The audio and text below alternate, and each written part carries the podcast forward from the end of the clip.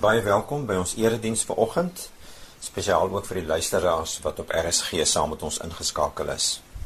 Ek is Andrei de Villiers van Brambos Bediening in Mosselbaai. Ek bedien ook eenmal per maand in Pretoria en in Kempton Park. Ek wil graag vanoggend met ons praat oor die tema die genade van God. En dan spesifiek dis die genade van God wat sonde stop en sonde keer. Ek gaan vir ons saam lees uit Romeine 5 daarvan vers 19 af en ook so 'n paar verse in hoofstuk 6. Blaai gerus daarin as jy saam met my wil lees. Kom ons bid eers saam. Hemelse Vader, dankie dat ons kan buig voor U wat die Skepper God is. En dat ons dit saam kan bely dat ons weet U is in beheer en U bly in beheer. En al is daar soveel woelinge rondom ons en binne ons in die wêreld daar buite dat Ons kan weet U is die enigste stabiele faktor. U is die enigste onveranderlike en omdat ons aan U behoort, omdat U in Christus afgebuig het na ons toe en Uself aan ons kom verbind het, is dit ons hoop en ons anker in die fondament in ons lewe, die fondasie wat stewig en vas staan wat kan maak dat ons nooit sal wankel nie. Want U is in ons en U is by ons en U is in beheer. Vader, ons buig voor U. En ons erken U as die enigste ware God. En ons bely ons afhanklikheid van U. En ons wil dit saam sê, Vader, ons het U nodig. Ons het U nodig. Ons kan nie sonder U nie en ons wil ook nie sonder U nie. En daarom wil ons vra dat U vanmôre deur U woord en deur U Gees sal kom en dat U met ons sal praat en vir ons sal aanraak en vir ons sal herinner wie U is. Hoe groot U is en ook wie u in ons is en wie ons in u is. Kom Skepper Gees, kom verheerlik u self deur hierdie saamwees van vanoggend. In Jesus se naam. Amen. Nou ek wil ons gesprek begin deur vir julle te herinner aan die stukkie geskiedenis in die Nuwe Testament toe Jesus saam met sy disippels in die boot was en daar's 'n storm op see. En nou lê Jesus en slaap in hierdie boot terwyl hierdie geweldige storm woed. En dan kom maak die disippels om ons nou wakker en dan sê hulle meester maar gee nie om dat ons vergaan nie. En dan staan Jesus op en hy maak die storm stil. En nou is die vraag wat by my opkom hoe kan Jesus te midde van hierdie storm rustig lê en slaap? Dis asof 'n mens wil sê dit rym nie en dit is mos nou nie dis mos nou nie heeltemal normaal hierdie nie. Nou die enigste oplossing is dat 'n mens vir mekaar moet sê en moet herinner, Jesus lê in slaap want hierdie storm woed rondom hom. Die storm woed nie binne hom nie. Is dit nie geweldig om dit weer vir mekaar te sê nie? Daar's baie storms in ons persoonlike lewens. Daar's storms in hierdie wêreld. Dit voel en dit lyk vir ons of alles net tot niet gaan en erger en erger word. En nou wil hierdie Skepper God wat in Christus ons Vader is, wil hê dat ek en jy met 'n innerlike vrede sal lewe en meer as net vrede met 'n vreugde sal lewe te midde van hierdie storms. Want die storms is om ons dis buite ons dis rondom ons maar die storms is nie binne ons nie. Nou hoekom sê ek die storms is nie binne ons nie? Toe Jesus aan die kruis uitgeroep het dit is volbring. Hy het gesterwe hy het opgestaan hy het opgevaar hy sit aan die regterhand van God. Die Heilige Gees is uitgestort. En die Heilige Gees herinner ons nou voortdurend daaraan dat Christus in ons is en ons in hom is. Met ander woorde dat ek en jy 'n innerlike waarheid het. En wat is hierdie waarheid? Dat ek en jy nou die woonplek van God is en dat Christus in ons woon. Dat hierdie Skepper God vir my en vir jou kies as sy tempel hier op aarde vandag.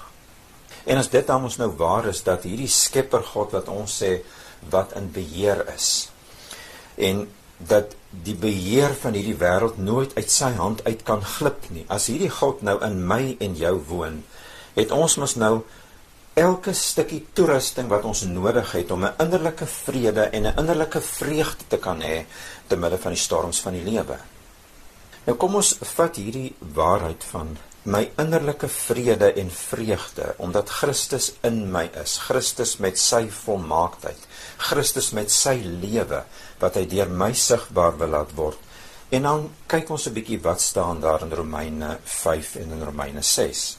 By vers 19 begin Paulus met hierdie waarheid dan sê hy deur die verkeerde daad, die ongehoorsaamheid van een mens, mens met 'n klein lettertjie. Dit bedoel Adam. Deur die ongehoorsaamheid van een mens van Adam het die hele mensdom gelei. Ons almal beleef die effek daarvan. En nou wil 'n mens dadelik sê, maar is dit nie verskriklik onregverdig nie? Een ou doen 'n dom ding en die hele wêreld ly as gevolg daarvan. Dit is so, dit is onregverdig. Maar die volgende gedeelte van hierdie versie sê net so deur die gehoorsaamheid van een mens en dan is mens met 'n hoofletter, met ander woorde dit verwys na Christus, net so deur Christus se gehoorsaamheid is daar 'n effek en 'n gevolg vir die hele mensdom.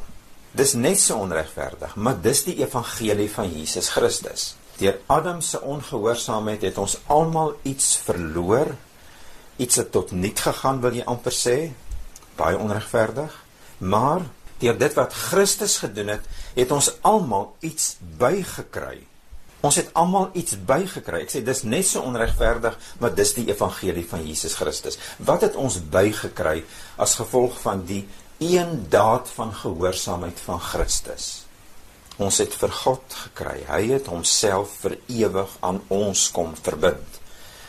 Ek wil dit graag so sê, julle Jesus het nie net aan die kruis gaan sterwe sodat ek en jy eendag hemel toe kan gaan nie. Verseker is dit een van die gevolge. Hy het kom sterf sodat hy nou by ons kan kom woon en homself aan ons kan kom verbind. Dit wat gemaak het dat hy homself nie aan ons wil verbind nie. Kom ons sê dat hy nie in ons kan woon nie as gevolg van ons sonde en wat ook al hy dit kom wegvat. Hy het gaan sterf aan die kruis sodat hy nou vir ewig by my kan wees en by jou kan wees en nie net by ons nie maar ook in ons. Hy kies om 'n nietige mense te kom woon.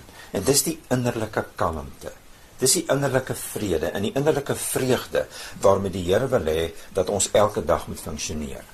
En watter storms nou ook al rondom ons woed, dis die vrede en die vreugde wat hy wil hê waarmee ek en jy moet lewe. Ons het 'n innerlike vrede want hy is in ons. Ons het hom gekry vir ewig. Kom ons sê dit op 'n ander manier. Dis nie my dade wat bepaal wie ek is nie. Wat bedoel ek daarmee? Toe ek gebore is, het ek die vermoë gekry. Kom ons sê dit is saam met my geboorte gegee, het ek die vermoë gekry om verkeerd te doen. Nog lank voordat ek een verkeerde ding gedoen het, het ek die vermoë om iets verkeerds te doen. Nou net so die ander kant. Toe God in Christus kom en hy oorrompel my met sy liefde, toe beskryf hy my as 'n heilige. As 'n heilige nog voordat ek een daad reg kan doen, een goeie daad, een regte daad. Hoe sê mense? Een goddelike daad kon doen nog voordat ek een besonderse mooi goddelike daad kon doen, sê die Here al ek is 'n heilige. So dit gaan nie oor my dade nie. Natuurlik is die dade belangrik. Julle die dade vloei voort uit hierdie waarheid dat Christus nou in my is en dat hy sy lewe deur my sigbaar wil laat word. Dis waar die dade kom. Dit kom van binne af. Maar dis nie op grond van my dade wat hy besluit of hy van my hou en of ek sy guns het nie. Nog lank voordat ek een goeie daad gedoen het, sê God al ek is sy geliefde kind soos wat hy dit vir Jesus gesê het. Sê vir my, ek is 'n heilige. Sê vir my, die gehoorsaamheid van Christus word vir my toegereken. Gaan kyk weer mooi wat sê Romeine 5 vers 19. In gewone Afrikaans staan daar, die gehoorsaamheid van Christus word vir my toegereken. Die heiligheid van Christus word vir my toegereken want ek het dit nie in myself om daarby te kan uitkom nie. Dis hoekom ek met vrede en met vreugde kan lewe. En hoe meer ek daai vrede en vreugde besef, hoe meer gaan die regte dade wat van God afkom, hoe sê mense dit, wat deur God geïnspireer word, gaan die regte dade wat die Heilige Gees in my wakker maak, 'n realiteit in my lewe word. As God in Christus na my toe kom en na jou toe kom en hy oorrompel ons met sy liefde, En hy sê my lewe wat 'n nul was. Die dag as hy vir ons help om hierdie waarheid te vat dat God ons liefhet, dan verander daai nul in 'n 10. In Christus is ons almal 10. Wanneer hy kom oorneem in ons lewe en vir ons oortuig van wie en wat hy is, dan sien hy ons almal as heiliges en kom ons sê dit dan nou maar sommer reguit vir mekaar. Dan gaan ons almal saam in sy teenwoordigheid lewe vir ewig. Die fokus is nie op ons dade nie. Nie wat het ouens reg gedoen en wat het hulle nou al uitgesorteer en wat is nou al weg in hulle lewe nie. Dit gaan oor wat Christus gedoen het. Op grond van Romeine 5 vers 19 sê op grond van Christus se gehoorsaamheid word ek vrygespreek. Op grond van Christus se gehoorsaamheid is ek en jy 'n 10. Die dade vloei voort uit die, besef, die verstaan van hierdie waarheid dat God in Christus my liefhet. Ten spyte van wie ek is, ten spyte van wat ek doen, wil hy die lewe van Christus deur ons sigbaar maak op hierdie aarde. Wat 'n geweldige waarheid is, is dat Romeine sê, daai vers 20 as jy weer daarna gaan kyk, die wet het bygekom om die oortredinge nog meer te maak en hoe meer die sonde geword het, hoe oorvloediger het die genade geword. Dis asof 'n mens dit nie genoeg kan beklemtoon nie. Ek wil dit vanmôre so stel, die wet Nou wat is die wet eintlik, né? Nee, die 10 gebooie. Kom ons sê dit nog eenvoudiger. Dis moets en moenies en voorwaardes en vereistes. En as jy nou 'n kind van die Here is, as jy 'n gelowige is, as jy 'n Christen is, dan maak jy so en jy maak nie so nie en jy doen nie so nie en jy moet dit doen. Dis die wet. Dat hier staan die wet maak die oortredinge nog meer. So ons lees dit op ander plekke in die Bybel ook dat die wet laat ons eintlik maar net verstaan wat is die probleem. Elke keer as ek en jy die 10 gebooie sou lees, kom ons maak dit eenvoudig. As ons die 10 gebooie sou lees, dan besef ons ons is nie daar nie en ons kry dit nie reg nie. Met ander woorde, die wet laat 'n mens die probleem snap van ons het dit nie in onsself nie. Ons is ver van God af. Ons skiet te kort. Daar's daar's probleme. Daar's tekortkominge in ons lewe. Hoe sê mense dit sterk genoeg? So die wet laat 'n mens telkens die probleem besef. Die wet laat ons elke keer hierdie probleem besef van ek het God nodig en ek kan nie iets aan myself doen om uit te kom waar hy wil hê ek moet wees nie. Ek het hom nodig. So die wet laat 'n mens besef wat is die probleem. En dan sê die volgende versie: Die oplossing vir die probleem is die genade van God. Het julle mooi gehoor? Die wet, die moets en die moenies help ons om die probleem te snap. Die genade van God is die oplossing vir die probleme. Wat is die genade van God? Dat hy met hierdie onregverdige aanbod kom, geskenk kom en homself aan my kom verbind en dat hy vir my sê die gehoorsaamheid van Christus word vir jou toegereken. Dis die oplossing. Mense sal sê, ons kan nie net praat oor die genade van God nie. Ons moet ook praat oor sy toorn, ons moet ook praat oor ander fasette van God. Jy weet as asof hulle sê ons kan nie net fokus op genade prediking nie, dan moet daarom ook wettiese prediking ook wees, jy weet, reëls en en die moets en die moenies. Die klem moet lê. Daar is eintlik net een fokus. Dis asof ons mekaar moet sê as ouens sou sê, weet jy, kan nie net oor genade praat nie, daar's 'n ander kant ook. Julle daar is nie 'n ander kant nie. Dis net die genade van God wat hy in Christus 'n realiteit kom maak het. En dis net die genade van God wat hy vir ons wil help om draers te wees van hierdie genade, om praters te wees van hierdie genade, om dit met ons lewens te wys en te demonstreer omdat ons dit self in Christus ontvang en geniet om draers en praters van die genade van God te wees en dis wat die wêreld gaan verander. Dis die oplossing. Dis wat sonde minder gaan maak. Ek dink vir die eerste maal in my lewe verstaan ek wat gebeur in die tyd waarin ons lewe. In ons eie lewe in die wêreld rondom ons, hoe dit vir ons voel dat sonde meer en meer en meer en meer word en dit word net erger. En nou wat is die oplossing daarvoor? Die Bybel sê, ons het dit nou hier gelees in Romeine 5 vers 20, hoe meer die sonde word, hoe meer word die genade. So die genade boodskap wat wêreldwyd al hoe meer en meer verkondig word, is nie 'n modegier nie. Dis die gees van God wat vir mense daar kry om te snap soos wat die Bybel sê, hoe meer die sonde word, meer, hoe groter, hoe beter moet die genade boodskap op die tafel kom. So dis die gees van God wat dit wakker maak in die wêreld om te sê die oplossing, kan ek dit sterker sê, die enigste oplossing, die enigste oplossing is die genade van God. En uit die besef en die verstaan van die genade van God sal ander dade na vore kom. sal liefde na vore kom, sal vergewensgesindheid na vore kom. En soos 'n mens kon een na die ander noem. Die Bybel sê, julle dis nie 'n slimmigheid van mense of 'n sekere denkgroep in die wêreld nie. Dis God se plan.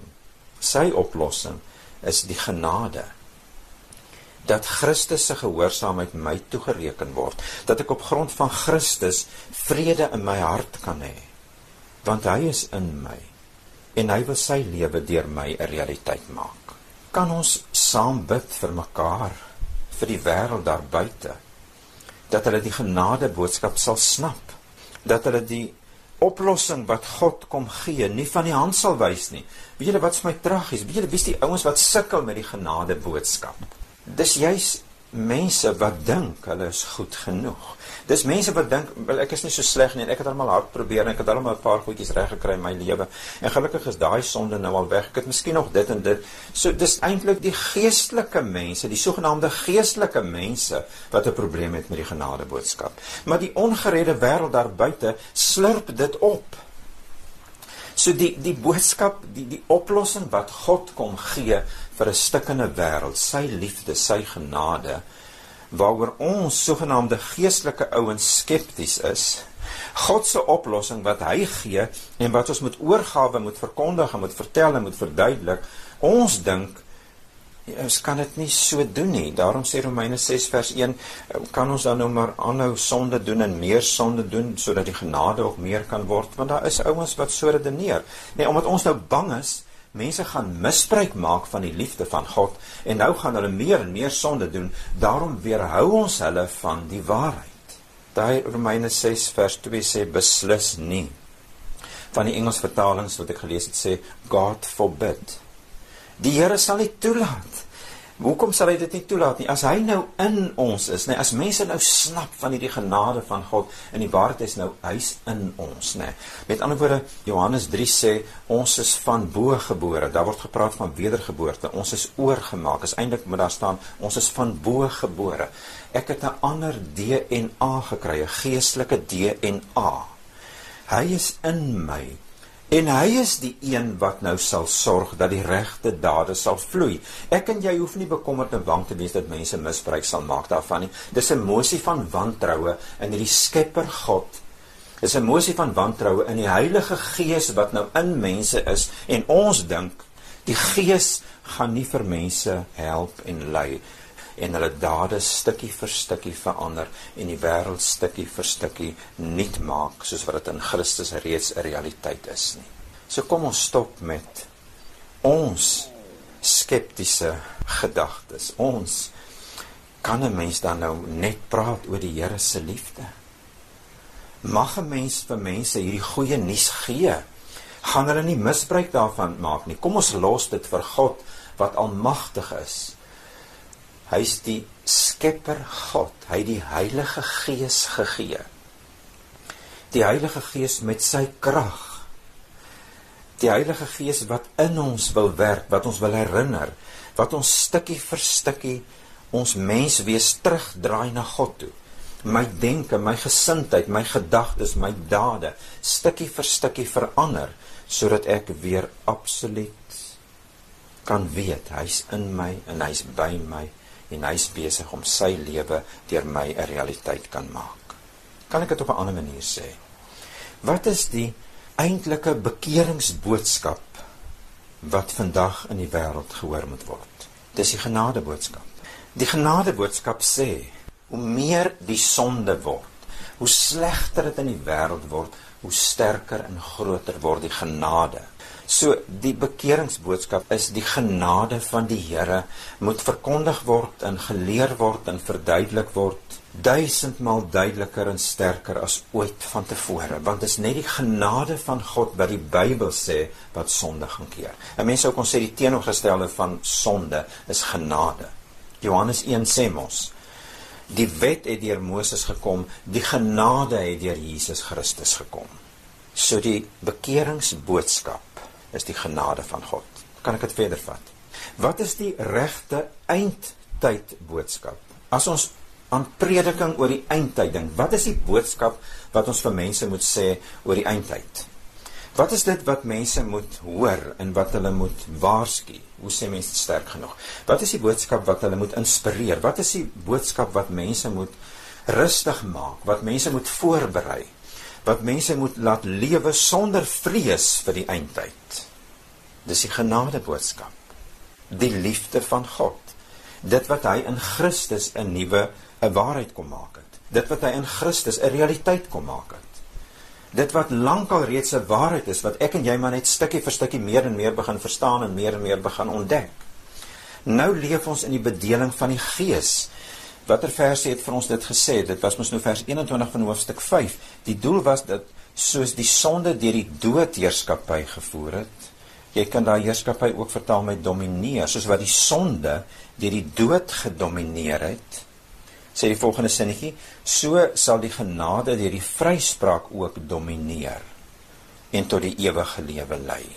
Die genade moet domineer. Die genade laat mense besef ek is vrygespreek in Christus nie jy moenie dit maak nie jy doen nie so nie 'n Christen maak nie so nie dis nie wat mense vryspreek nie dit laat hulle net meer skuldig voel dit laat hulle net nog harder probeer deur harder probeer draai jy nog verder jou rug van God af want jy kry dit nie reg nie. Dit maak jou moedeloos. Dit laat jou tou opgooi. Dit laat jou later besef maar eh, hierdie proses help nie. Maar die genade ons leef in die tyd van God se genade wat nou die wêreld domineer. Wat nou die waarheid is. Wat nou die boodskap is wat ons vir mekaar moet gee dat in Christus, by Christus lê die antwoord, nie by jou nie by Christus in jou en Christus in jou kan ek dit weer sê gaan ander dade en ander optrede na vore laat kom verseker maar dit lê in Christus so die vraag bly ons wat so etikette vir mekaar gee jy weet jy is so jy's 'n dief jy steel so jy's 'n dief jy maak dood so jy's 'n moordenaar jy het hierdie sonde so jy's dit jy is hierdie bevolkingsgroep wat ook al jy weet hierdie etikette wat ons mekaar gee is binne die liggaam van Christus van die tafel afgegee. Galasiërs sê mos daar's in Christus nie meer man of vrou, slaaf of vryman gaan lees bietjie weerslag daar. Die etikette is weg. Daar's nou net een vraag. Is jy in Christus of is jy in Adam?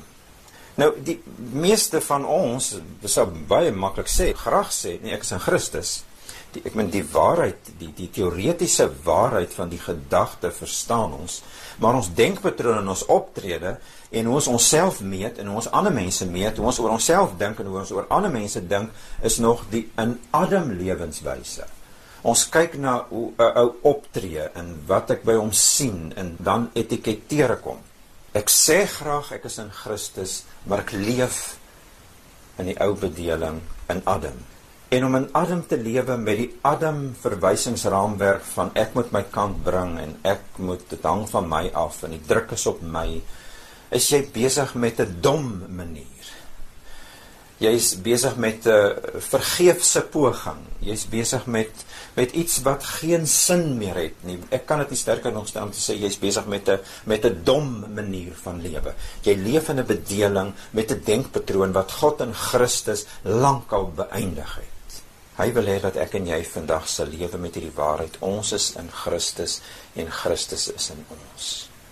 En daai tot rus kom van die druk is nou van my af. Dis asof mense dit oor en oor moet sê, nê, as as Vader, Seun en Heilige Gees menslik gesproke nou die verlossing van die wêreld bedink het. En ek sê dit met alle respek, menslik gesproke, het hulle gesê kom ons sit dit in Christus se hande. Want as dit in mense se hande is gaan dit nooit 'n realiteit word nie. Kom ons sit dit in Christus se hande.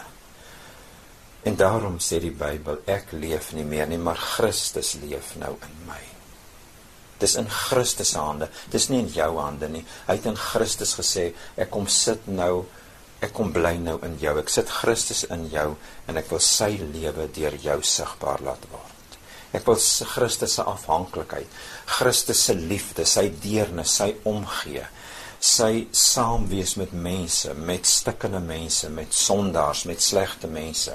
Sy totale totale afhanklikheid van die Vader. God het in Christus gekom en hy sit dit in ons en dis wat hy in ons wil wakker maak. En dis hoe hy ons roep om dit in mekaar se lewens wakker te maak. Die genade boodskap gaan die sonde stop. Kan ek dit weer sê? Die genade boodskap gaan die sonde stop. Nie my moets en moenies en sede preekies en morele preekies nie. En al het dit plek ergens dis nie die boodskap wat uit ons monde moet kom. Dis nie die boodskap wat ons lewens moet dra nie. Dit gaan van self kom. Dit gaan outomaties kom. Dit gaan spontaan kom as ek en jy weer die waarheid snap. God het homself aan my verbind. En ek kan hom vertrou. Ek kan vir hom vra om totaal te kom oorneem, meer en meer dag na dag. Jesus het op 'n stadium ons gesê hy is die lig Hy is die lig. En die lig sal die duisternis laat wyk. En in Christus kom oorrompel hy ons en hy kom sê hy woon nou in ons. So die lig is nou in ons. Nou sê die Bybel, die lig sal die duisternis laat wyk. Sy lig in my sal die duisternis in my eie lewe laat wyk. Sy lig in my en sy lig deur my sal die duisternis in die wêreld laat wyk. Kom ons praat met die Here. Hemelse Vader, dankie vir u genade. Dankie dat u in u grootheid geweet het. As dit van ons sou afhang, gaan dit nooit gebeur nie. As dit van ons menslike pogings sou afhang, ons u weet ons kan nie. En ons weet dit ook, Here. Ons eie lewe wys dit vir ons en sê dit vir ons. Ons eie pogings, ons eie hoe hard ons ook al probeer en hoe ons worstel en bid en Dankie vir die wonderlike waarheid vanmôre dat U sê hoe meer die sonde word, hoe meer ons besef ons kan nie. Hoe meer U vir ons die probleem laat snap. Dis nie om vir ons moedeloos te maak nie. Hoe meer U vir ons die probleem laat snap, is dit U manier om vir ons te laat snap wat is die oplossing en dat ons verstaan Christus is die oplossing. Christus in ons. En daarom Vader, kies ons vanmôre weer om vas te hou. Help vir ons. Kom met die Heilige Gees, help vir ons om te glo dat Christus in ons is en dat sy gehoorsaamheid vir my toegereken word en dat U my sien as 'n heilige en dat ek kan glo U hou van my. U is opgewonde oor my. Ja, daar is 'n droefheid in die hart oor die verkeerde goed wat ek doen, maar nooit, nooit draai U U rug op my oor die verkeerde goed wat ek doen nie. En daarom Gees van God, hierdie emosie van wantroue wat ons in U het. Hierdie emosie van wantroue, Vader, wat ons in U het, dat U wat nou in ons woon, dat U nie vir ons by goeie dade, by goddelike dade kan kry nie. Vat dit weg, Here. Vat dit weg in Jesus se naam. Help ons om weer te glo. U sal die lewe van Christus deur my laat vloei. U sal die lewe van Christus in hierdie wêreld sigbaar maak en die lewe van Christus wat die lig is, sal die duisternis laat wyk. Dankie dat ek 'n ligdraer is en dat elkeen wat saam met my luister wat aan U behoort ook 'n ligdraer is en dat U vir ons sê ek wil deur julle in julle en deur julle die duisternis laat verdwyn. Vader, gee vir ons weer die vrede en die vreugde om te weet wat ook al die storm rondom my is, wat ook al die storm in die wêreld is, ek kan die vrede en die vreugde van God hê. Want die wêreld behoort aan hom en ek behoort aan hom. In Jesus se naam. Amen.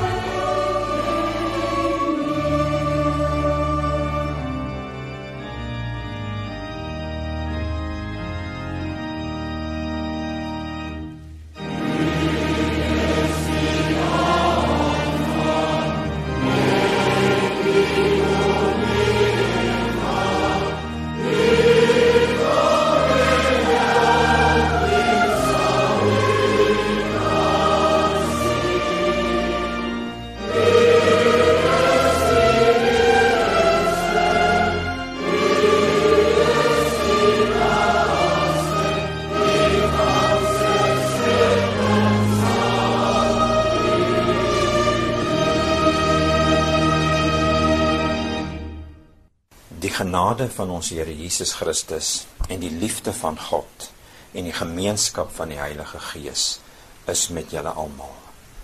Amen.